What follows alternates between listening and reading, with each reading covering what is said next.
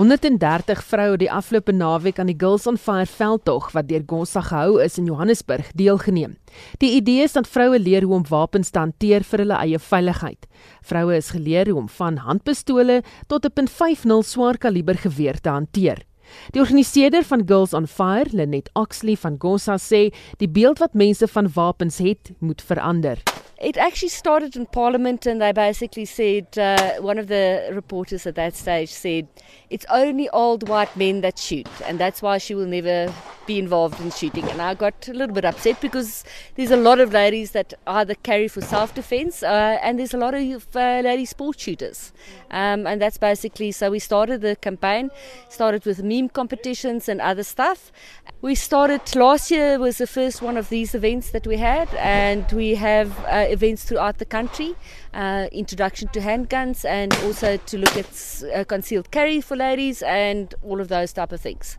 Um, we travel with the Gaza uh, Firearms Festivals. Uh, which is held in mo most of the major areas. Oxley sê dis nie die wapens wat mense doodmaak nie, maar mense wat die wapens misbruik.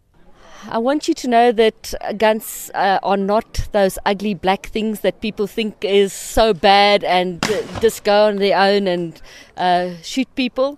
Um, I want you to know that guns can be uh, handled in a safe manner, that guns can be fun in terms of the sport shooting. Uh, we've looked at nine different dis- disciplines today. So, um, guns are not bad things. They can be obviously safely handled. Nobody There was 130 uh, ladies today. A lot of them were amateurs that's never touched a gun. And it was safely done. Aksie sê daar gaan altyd wapens in die land beskikbaar wees en mense moet realisties wees oor die kwessie. You know, the story is there's not ever not going to be guns in, in South Africa.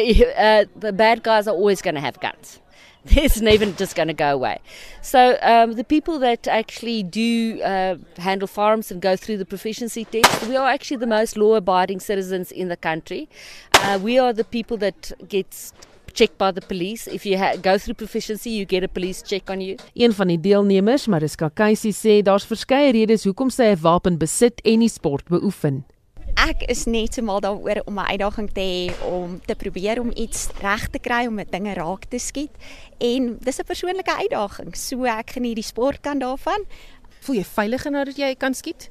Dit gee wel vir 'n mens selfvertroue. So indien jy weet jy's in gevaar, dan kan jy jouself verdedig en ek dink dis belangrik vir vrouens in vandag se lewe, gegee wat gebeur het met vrouens in die Me Too kampanje en al daai tipe van dinge. Ek dink is belangrik vir vrouens om te weet om hulle self te kan verdedig. Roxanne Casey beoefen skiet ook as 'n sport. Sy sê in 'n ideale wêreld moet niemand wapens hê nie, maar Suid-Afrika is ver van ideaal. I don't think it's a case of everybody should be carrying guns. It would be nice if we didn't have to carry guns and just use them for sport purposes. I think it's very much like having a car. You know, it's out of necessity at times, but um, you also drive your car because you enjoy it. So um, I think it's very important that we have responsible gun owners. Um, I do think there needs to be stricter licensing in that to make sure that the right people own firearms because the last thing you want to do is actually have guns stolen.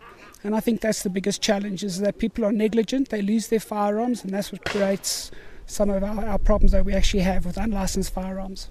Karen Smith, een van die organiseerders van Girls on Fire vir Gosa sê, baie vroue is bloot bang vir 'n vuurwapen en deur die opleiding bemagtig hulle vroue. Ons wil hulle vertroud maak met vuurwapens. Van 'n verduidelike vuurwapen is daar om vir jou jouself te beskerm en teen aanvalle want onthou ons is vrouens ons is die swakker geslag. 'n persoon kom hier met 'n vuurwapen heel waarskynlik om jou aan te val en wat help dit jy is daar met pepperspray 'n mens en jy skrik jy's verboureerd so wanneer jy 'n vuurwapen hanteer en vertroud is om 'n vuurwapen te hanteer maak jy jouself eintlik baie um gemakliker. Jy word kalmer want jy weet jy voel veiliger omdat jy die vuurwapen kan hanteer en jouself te kan hanteer. So dit is die hele um kampanje waaroor Girls on Fire gaan. Wat is die meeste goed wat vroue sê in terme van ek wil nie 'n wapen vat nie, ek kan nie van dit nie. Wat is hoekom nie? Hier kon jy al agterkom. Ek dink die meeste is hulle is bang vir die vuurwapen gaan hulle seermaak. Uh, soos nou met 'n halgeweer. Oh, gaan die ding my skop, gaan dit my seermaak. So en ek dink die net die blote feit dat mense nie blootgestel was aan dit nie. Nooit 'n geleentheid kry om hulle blootgestel te kry aan 'n vuurwapen is die grootste rede hoekom vrouens bang is vir vuurwapens. 18.11